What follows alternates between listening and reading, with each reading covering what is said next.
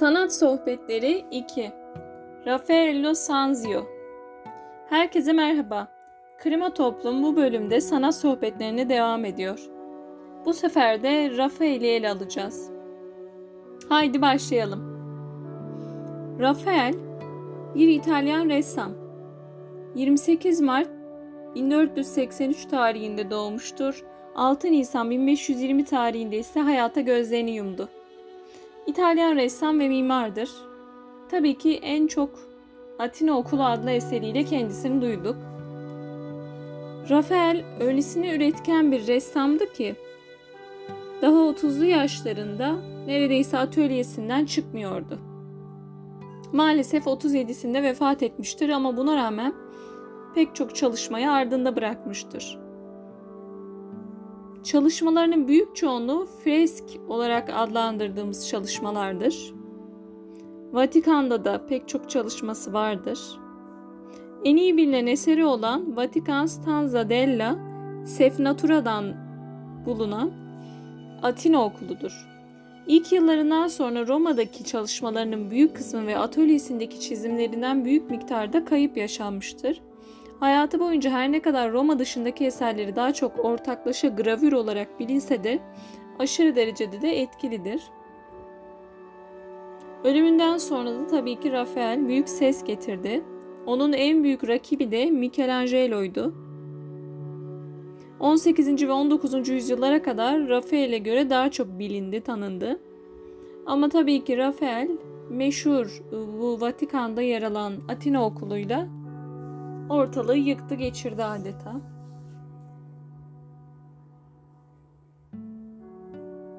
Papa ve ona yakın kişilerle çalıştığı dolu dolu bir 12 yılı da mevcut. Genç yaşına rağmen pek çok eseri de ardında bıraktı. Raffaello Sanzio'dan Atina Okulu freski ve analizi. Çok güzel bir yazı buldum ileri geri dergiden. O yüzden hemen buradan güzel bir sanat incelemesine geçelim.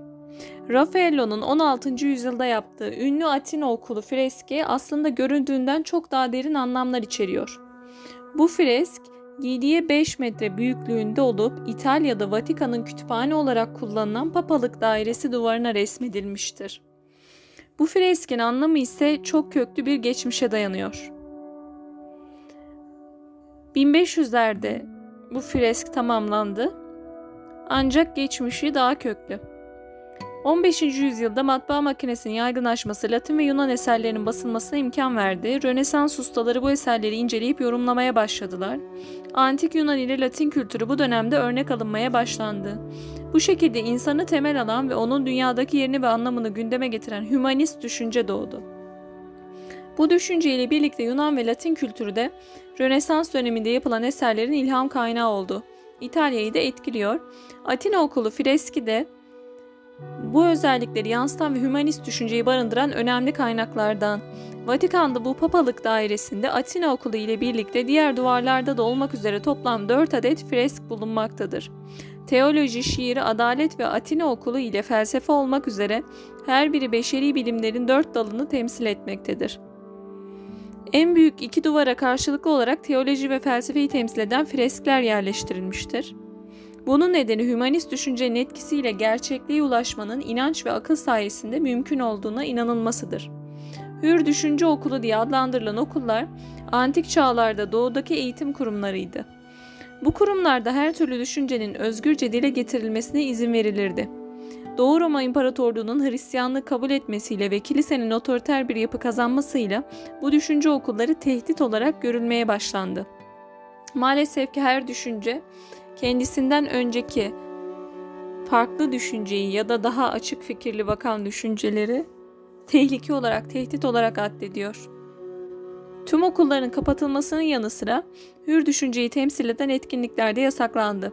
Hür Düşünce Okulu ise Doğu Roma İmparatoru Justinianus döneminde kapatıldı ve öğretmenler sürgüne yollandı. Böylece özgürlükçü düşünce anlayışı Rönesans dönemine kadar varlığını yitirdi.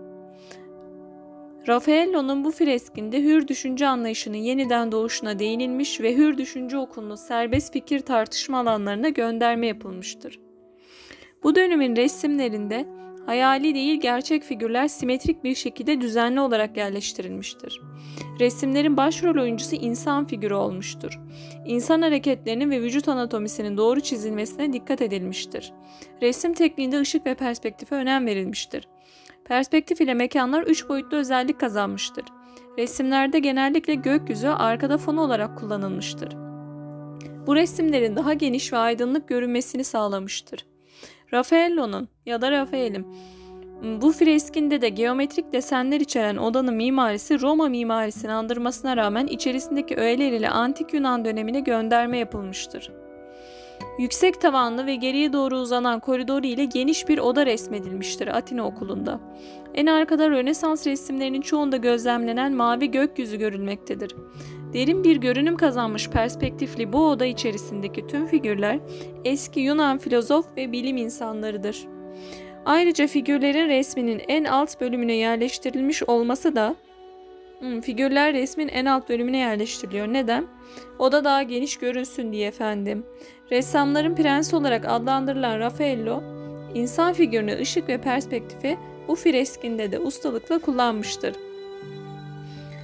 İşte belirttiğimiz gibi bu Doğu Roma İmparatoru Justinianus döneminden önceki bu özgürlükçü dönemi bir işaret olarak bu eserler yapılıyor. Yani o zaman hür düşünce vardı, akıl bilim öndeydi. Şimdi yine oraları döndük, oraların hasretinde izleniyor. Efendim, Odanın içerisindeki inatin okuluna devam ediyoruz. Sağ ve sol duvarlarda antik Yunan mitolojisini simgeler nitelikte bulunan Apollo ve Athena'nın heykelleri dikkat çekmektedir.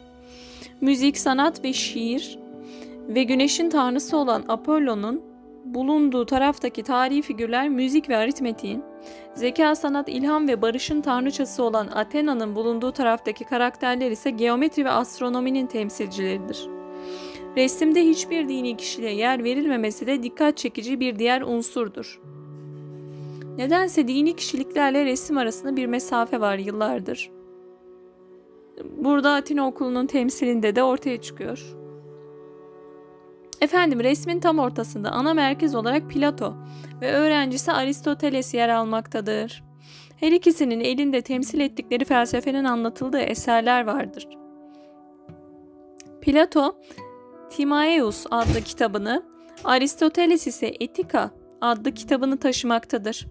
Platon'un sahili göğü göstermektedir.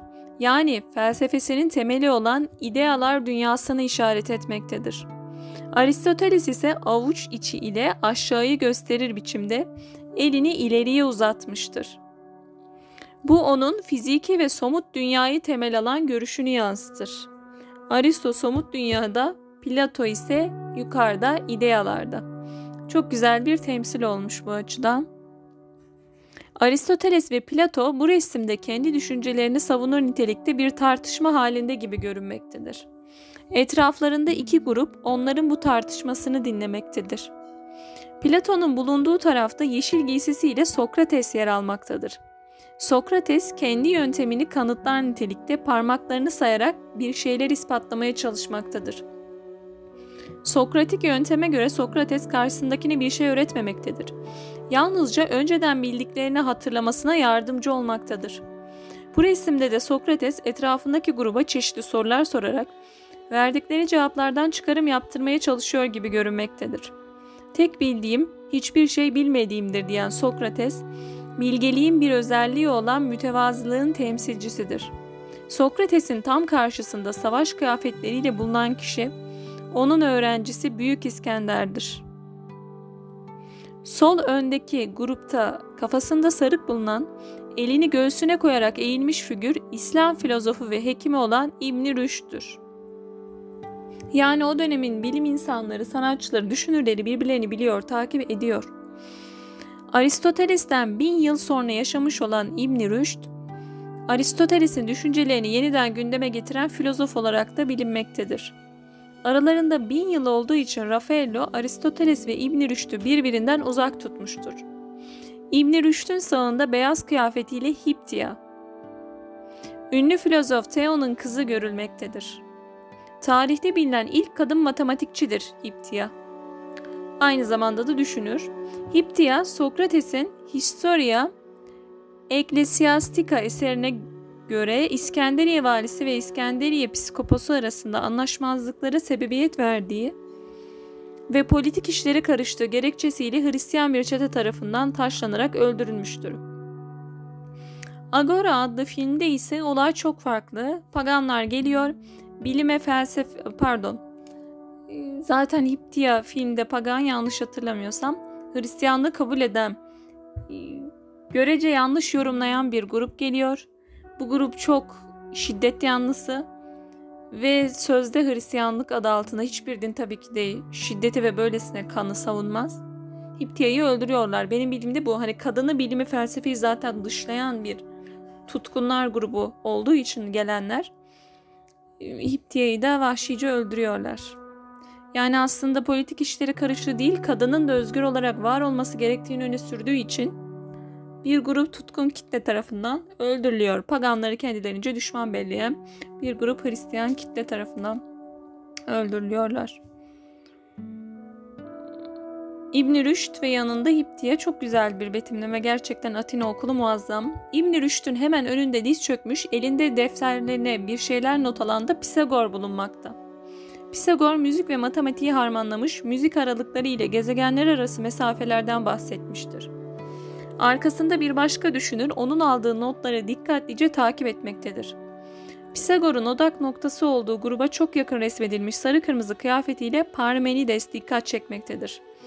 Parmenides, rasyonelizm geleneğinin ilk filozoflarından, evrende değişen hiçbir şey yok, gerçek mutlaktır, kalıcıdır, yok edilemez, ebedidir.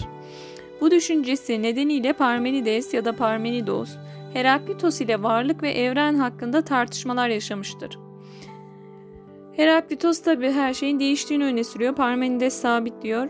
Resimde Parmenides yerde yalnız başına düşünceler içerisinde oturan Heraklitos'a sırtını dönmüş bir şekilde resmedilmiştir. İşte bu tartışmalara vurgu. Heraklitos diğer figürlerin aksine kendi başına sessizce düşünmekte ve yazmaktadır. Fiziksel özelliği yalnız ve düşünceli kişiliğiyle bilinen Michelangelo, Michelangelo'yu andırmaktadır. Bu figür aslında sonradan eklenmiştir. Heraklitos, Platon'un düşünce tarzını savunmuş ve onun kuramlarını geliştirmeye çalışmıştır. Atina okulunun bu figürün resmin tam sağ tarafına kırmızı kıyafetiyle Pisagor'u dengeler şekilde Öklit yerleştirilmiştir. Çevresindeki öğrencilere yerdeki tablo üzerine çizimler yaparak teoremlerden birini açıklamaktadır. Öklid'in hemen arkasında ellerinde dünya küreleriyle Zerdüşt, gökyüzünü, Batlamyus yer bilimlerini simgeler niteliktedir. Bu iki tarihi karakterin arkasında kendini gizlemiş olan eserin ressamı Raffaello'da görülmektedir. Öklid'in bulunduğu grubun arkasında duvara yaslanarak yazı yazan bir figür ve aynı şekilde onu izleyen başka bir figür resmedilmiştir. Bu iki figürün asıl önemi herhangi bir okul koridorunda rastlayabileceğimiz karakterler olmalıdır. Yani her düşünce okulunun ruhunu yansıtıyor. Ee, şöyle diyeyim efendim, Hür Düşünce Okulu'nun ruhunu yansıtan bir çizim, bir görsel. Hepsi birbirini takip eder nitelikte. Birbirine zıt olanlar arkasını dönmüş. Dönemdaş olanlar bir arada, aralarında mesafe olanlar, aralarında yıl farkı olanlar gibi. Antik Yunan düşünürü mesela Plotinus da tek başına oturmakta yine. Resmin sol tarafında kafasında defne yapraklarından bir taç olan septisizmin temsilcisi Epiküros resmedilmiştir. Elindeki defteri bir şeyler yazmakta olan Epiküros'un defterini bir çocuk destekler nitelikte tutmaktadır. Çocuğun yanında yeşil şapkalı Parmenides'in takipçisi Kıbrıslı Zenon bulunmaktadır. Zenon doğadaki düzenleyici gücün ateş olduğunu savunmuştur. Resimde gelişi güzel merdivenlerde oturan figür Diyojen'dir. Tabii ki burada resimde diyor bu site çünkü efendim bu Atina okulu freskinin bölümlerini resim resim vermişler. Yani resim diyor da bunu bilmiyor gibi anlaşılmasın. E, Diyojen'in resmini vermiş mesela. Resimde gelişi güzel merdivenlerde oturan figür Diyojen'dir. Tüm kalabalıktan uzak kendi başına bir şeyler okurken resmedilmiştir. Tüm hayatı boyunca yoksulluk içinde yaşamış ve tek varlığı içinde yaşadığı fıçı olmuştur kişinin en kötü koşullarda bile mutlu ve özgür olabileceğini göstermeyi amaçlamıştır. Büyük İskender ile arasında geçen diyaloğuyla da ünlüdür. Gölge etme başka ihsan istemem diyor koskoca Büyük İskender'e. İyi diyor, hoş diyor. Raffaello'nun bu freskinde ilk dikkat çeken Platon ile Aristoteles iken ikinci odak noktası tüm felsefi tartışmaları ile resmi dışlar nitelikte uzanan Diyojen'dir. Diyojen hepsine diyor ki gölge etmeyin başka ihsan istemem o yüzden hepsini dışlar nitelikte oturuyor. Raffaello Sanzio'nun Atina okulu eserindeki çoğu tarihi karakterin kim olduğu ile ilgili uzun yıllar boyunca tartışmalar sürmüştür. Ama şu an açıklığa kavuşmuştur ve çoğu kaynakta da bu geçmektedir. Didenur Kazar'ın yazısını okudum. Kendisine de buradan selam olsun. Muazzam bir yazı olmuş. Freskin bölümlerine e, resim resim eklemiş. Kimin kim olduğunu da çok güzel bir şekilde açıklamış. Ben bayıldım. Efendim size linkini de bırakacağım. İleri geri dergiden kendisini ya da dergiyi tanımıyorum ama yazıya bayıldım. Raffaello Sanzio'nun Atilla Atina Okulu freski ve analizi de bu şekildeydi. Efendim saygılar, sevgiler. Bir dahaki sanat konuşmalarımızda, sanat sohbetlerimizde görüşmek üzere.